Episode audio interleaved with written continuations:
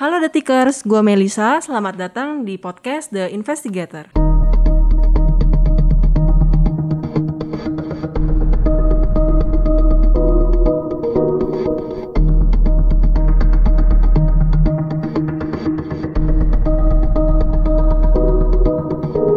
Ini episode ketiga dari podcast The Investigator.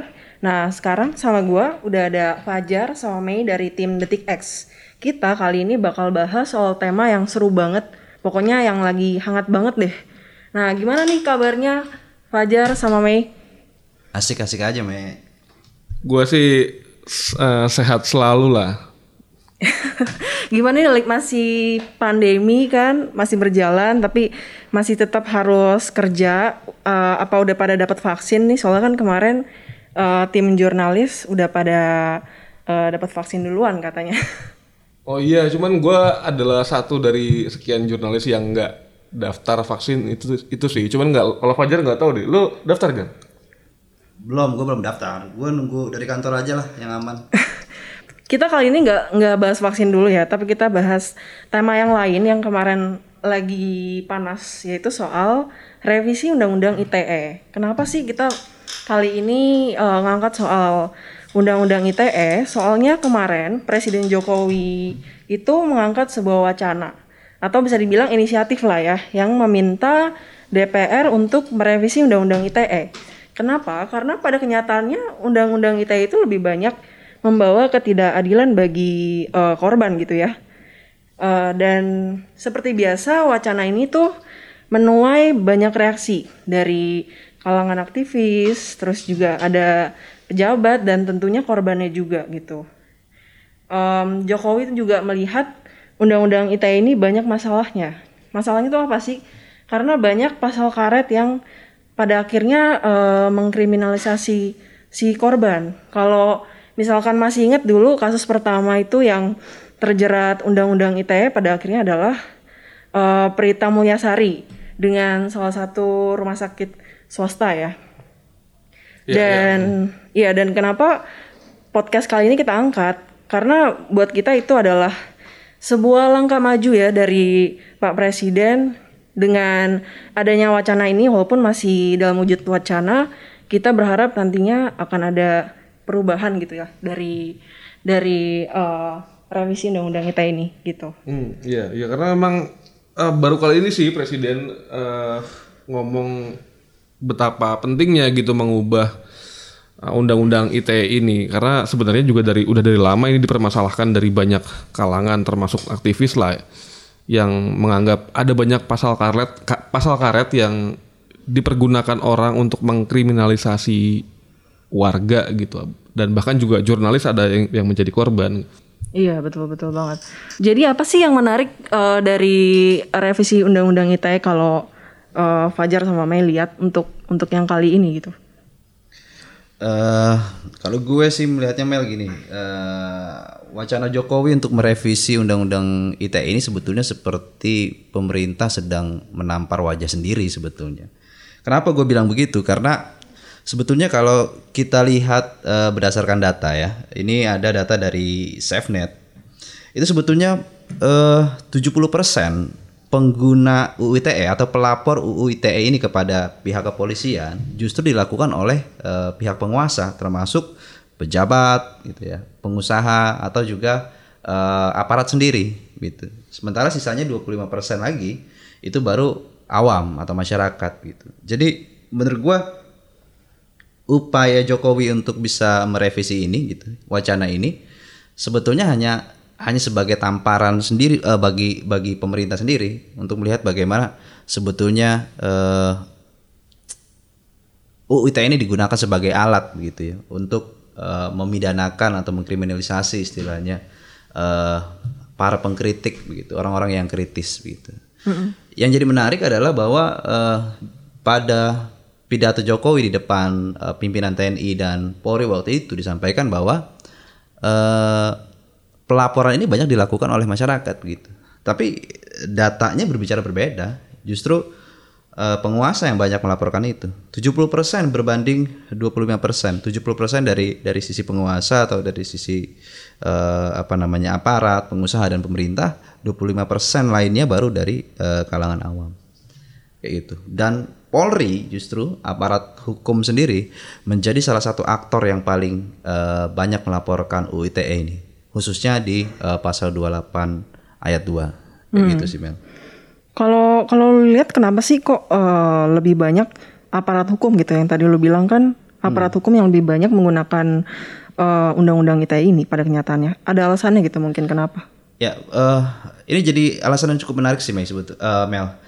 Gue ngobrol sama direktur eksekutif eh, SafeNet, eh, Mas Damar Juniarto gitu.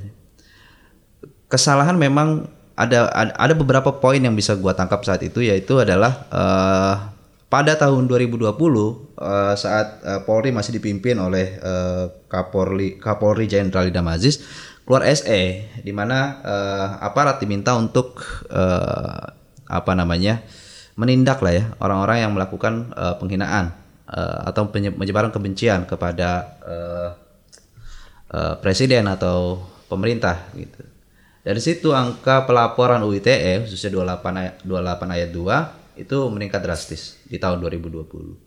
Eh, di sisi lain tidak hanya lapor ah, tidak hanya SE dari Kapolri aja tapi ada juga eh, masalah yang sangat eh, mendasar atau yang menjadi hulunya yang juga disebutkan oleh eh, Presiden Jokowi dalam pidatonya yaitu adalah eh, frasa atau kalimat di dalam eh, undang-undang ITE itu sendiri khususnya di pasal 28 ayat 2 itu ada eh, frasa antar golongan ya artinya eh, larangan atau atau apa namanya eh, tindakan atau aturan bagi eh, penyebar kebencian eh, yang berkaitan dengan sara yaitu suku, agama, ras dan antar golongan. Antar golongan ini menjadi multitafsir gitu. Jadi eh, SE menjadi pemicunya atau surat eh, edaran dari Kapolri menjadi pemicunya, tapi di sisi lain kita memiliki dasar hukum untuk melakukan itu. Gitu. Jadi ketika Polri atau aparat hukum atau pemerintah bahkan atau pejabat atau masyarakat biasa melakukan pelaporan UITE baik itu pasal 27 eh, ayat 3 atau pasal 28 ayat 2 itu eh, sah-sah saja karena ada dasar hukumnya, ada aturan hukumnya. Itu yang menjadi problem. Kayak gitu sih, men. Jadi harusnya dibatasin gitu ya mas untuk kalangan-kalangan tertentu yang memang eh, bermasalah gitu. Jadi nggak nggak cuma didominasi oleh aparat hukum kan sejauh ini. Ya, eh, sebetulnya UIT ini kan memang mengatur untuk seluruh masyarakat ya, tapi eh, tidak semua masyarakat paham atas hukum itu sendiri, Me- eh, Mel. Yang paham atas hukum ya mereka yang eh, well educated, termasuk pejabat, pem- pemerintah, aparat, pengusaha dan lain sebagainya, gitu.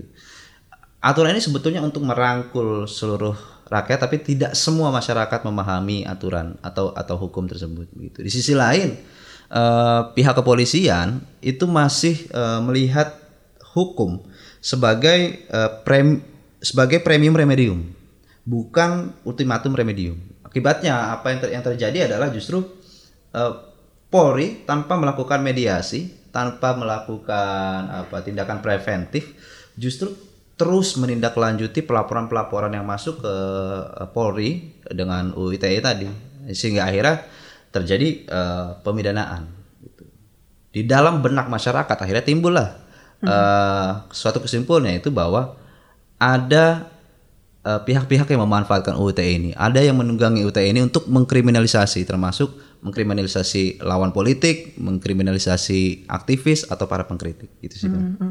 gue nambahin sedikit. Eh, soal ultimatum remedium itu dalam hukum itu dia ultimatum remedium ini menjadikan hukum pidana sebagai opsi terakhir. Karena ada banyak cara lain ada cara lain untuk menyelesaikan masalah itu misalnya dibawa ke perdata di pasal 27 ayat 3 soal penghinaan itu pen- atau pencemaran nama baik itu itu kan sangat sulit diukur tuh penghinaannya seperti apa dan pencemaran nama baiknya gimana.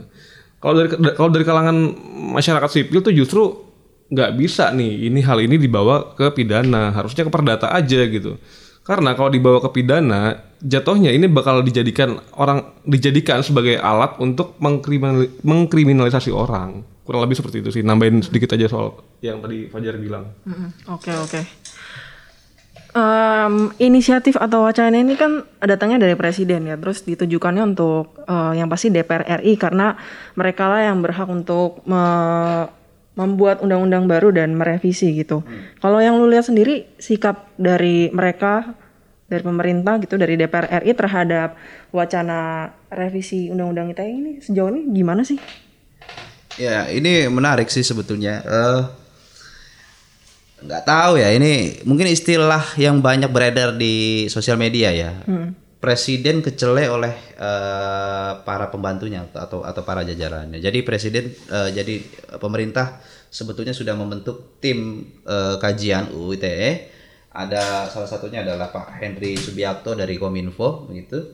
Eh, sempat disampaikan bahwa upaya eh, revisi undang-undang ini sebetulnya sudah dilakukan memang Eh, revisi undang-undang ITE ini sudah dilakukan beberapa kali termasuk diajukan judicial review ke, Maka- eh, ke Mahkamah Konstitusi eh, Mahkamah Konstitusi atau MK dan eh, pada akhirnya kalah gitu. Frasa antar golongan yang tadinya mau dihapuskan waktu, waktu itu eh, tetap di apa namanya? tetap ditempatkan pada posisinya di pasal 28 ayat 2 gitu.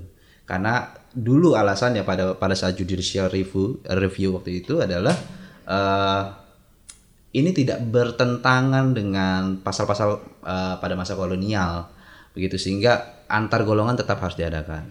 Tapi yang menjadi problem adalah sebetulnya antar golongan ini kan sudah berkembang menjadi multi tafsir. Antar golongan bisa menjadi antar golongan eh, pendukung eh, Jokowi atau antar golongan pendukungnya Prabowo, antar golongan eh, misalnya ojek konvensional, antar golongan ojek eh, golongan ojek yang eh, punya teknologi misalnya Gojek, Grab dan lain sebagainya gitu. Jadi sangat-sangat luas. Lalu eh, saat gua ngobrol dengan Pak Henry Subiakto memang dia membuka peluang adanya revisi, membuat perlu membuka peluang adanya revisi undang-undang ini. Tapi perlu dilihat lagi sejarahnya bahwa revisi undang-undang ini sebetulnya sudah pernah dilakukan atau upaya untuk merevisi ini sudah pernah dilakukan. Kayak gitu. Dan akhirnya eh satu yang paling eh, apa namanya yang menjadi catatan gua pada saat gua ngobrol dengan Pak Heri Subiakto bahwa adalah yang hal yang menjadi utama sebetulnya yang akan dilakukan oleh pemerintah adalah memperjelas interpretasi atau memberikan pedoman bagi pelaksanaan UTE ini seperti yang sudah dilakukan eh, oleh eh, Kapolri Pak Listio Sigit memberikan apa SE atau surat edaran eh, sebagai pedoman pelaksanaan dari eh, UTE ini gitu. Jadi untuk revisi kayaknya masih jauh deh. Gua nggak gua nggak terlalu yakin kalau ini bakal direvisi. Hopeless gitu ya. Oke, kalau tapi dari tadi kita bahas soal undang-undang ITE, tapi sebenarnya yang bermasalah dari undang-undang ITE itu apa sih sebenarnya? Iya ada dua pasal yang selalu dipermasalahkan sih setidaknya pasal 27 dan 28 itu mengenai penghinaan, pencemaran nama baik dan pasal 28 ujaran kebencian.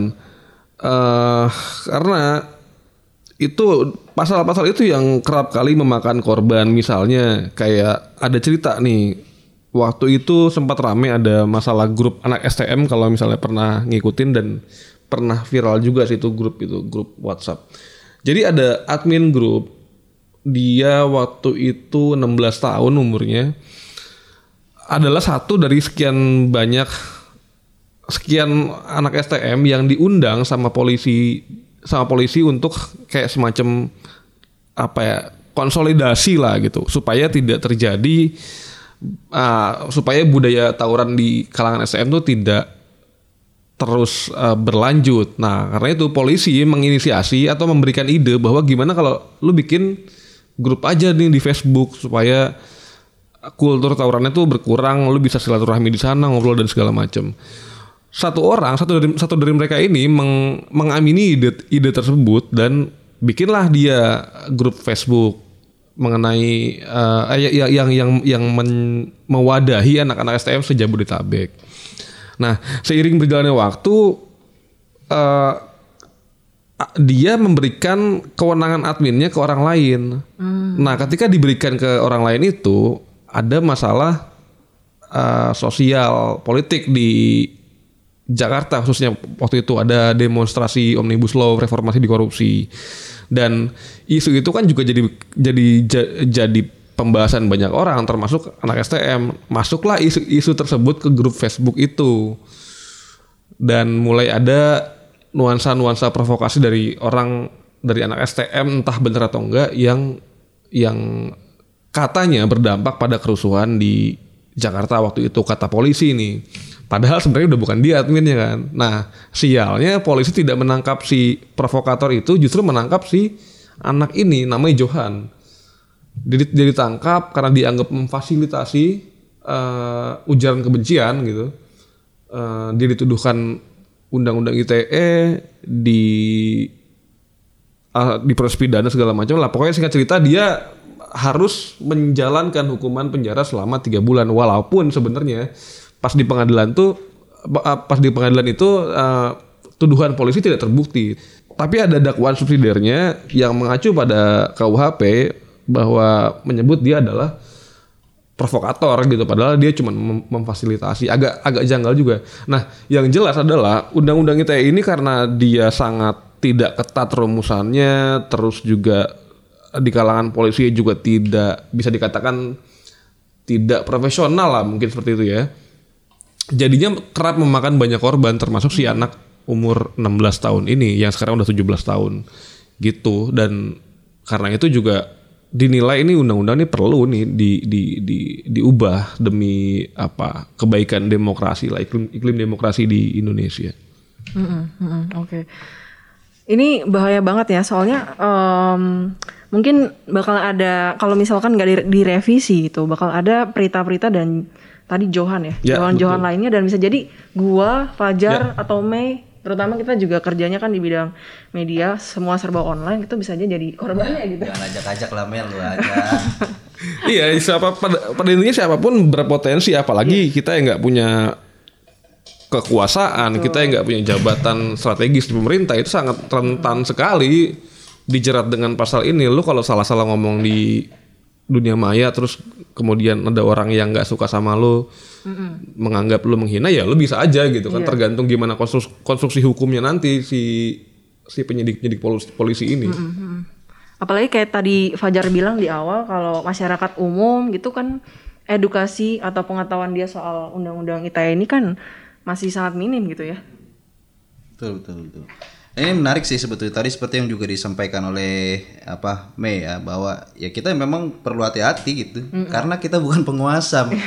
karena kita tidak memiliki jabatan-jabatan strategis di pemerintahan atau tidak memiliki apa namanya uh, level atau struktur sosial yang uh, tinggi gitu. Seperti yang disampaikan kemarin juga pas gua ngobrol sama uh, Pak Henry Subiakto bahwa memang yang banyak melaporkan UITE ini ya orang-orang yang berada di struktur sosial teratas, orang-orang yang uh, tinggi gitu ya. Hmm. Dan ini yang menjadi menarik adalah bahwa uh, kasus-kasus yang diadukan UTE meskipun ada banyak pasal, tapi yang menjadi favorit selalu pasal 28 ayat 2. Hmm. Kenapa itu menjadi favorit? Karena ancaman pidananya pidananya 6 tahun. Hmm. Dan uh, ancaman pidana 6 tahun ini uh, memperbolehkan pihak kepolisian untuk langsung uh, menangkap atau menahan si uh, tersangka atau terduga uh, tersangka untuk uh, dilakukan proses penyidikan langsung di kantor kepolisian gitu. Berbeda misalnya dengan pasal 27 ayat 3 yang uh, hukum pidananya telah dikoreksi menjadi penjara 4 tahun sehingga uh, kalaupun seseorang dilaporkan untuk pencemaran nama baik atau defamasi begitu, itu mesti dilakukan proses mediasi terlebih dahulu. Tapi beruntung sekarang kita uh, sudah ada pedoman dari Pak uh, Kapolri Pak Listio Sigit yang memberikan surat edaran kepada para jajarannya untuk bisa bermediasi dulu lah atau uh, bersikap preventif terlebih dahulu terhadap uh, seluruh laporan-laporan yang terkait UU atau undang-undang ITE gitu. Dan kalau gue pribadi berharap bahwa uh, surat laporan atau surat edaran ini tidak berhenti pada hanya pada pedoman uh, bagaimana penindakan UITE dengan mediasi dan sebagainya tapi juga dikoreksi lagi lah atau direvisi lagi lah pasal-pasal yang memang eh, tafsir-tafsirnya bermasalah gitu. Karena sebetulnya kita juga udah punya aturan-aturan banyak kan soal pencemaran nama baik, eh, ujaran kebencian dan lain sebagainya ada di KUHP gitu. Meskipun itu tidak secara spesifik eh, pada platform sosial media atau internet begitu, tapi ya harapan gue bisa UU ITE ini bisa direvisi meskipun eh, harapan gue jauh panggang daripada api gitu. Wacananya eh, supaya benar-benar direalisasikan ya. Ya. supaya eh, kita nggak jadi korban selanjutnya gitu. Oke, jadi dari pembahasan kita kali ini soal revisi Undang-Undang ITE eh, bisa kita simpulkan ya kalau yang paling banyak menggunakan Undang-Undang ITE ini adalah dari pihak aparat hukum, sedangkan yang jadi eh, korbannya justru lebih banyak dari eh, masyarakat umum. Eh, bisa juga aktivis, ada juga jurnalis yang eh, kerap jadi korban gitu. Jadi memang kita sangat mengharapkan lah ya keseriusan dari pemerintah khususnya dari DPR. Soalnya kan Jokowi udah sampai bikin dua tim nih khusus untuk wacana revisi undang-undang ITE ini dan di awal Pak Jokowi itu sempat ngomong katanya kalau memang undang-undang ITE ini tidak membawakan keadilan maka harus direvisi. Padahal sebenarnya nggak usah pakai kalau lagi ya karena di lapangan sendiri kita udah sering banget banyak lihat kasus eh, yang terjerat undang-undang ini dan ada unsur ketidakadilan di sana gitu. Ya, itu setuju, setuju. Oke, kita sampai pada penghujung podcast kita kali ini. Gue Melisa, ada Fajar dan Mei juga. Sampai jumpa di episode podcast The Investigator selanjutnya.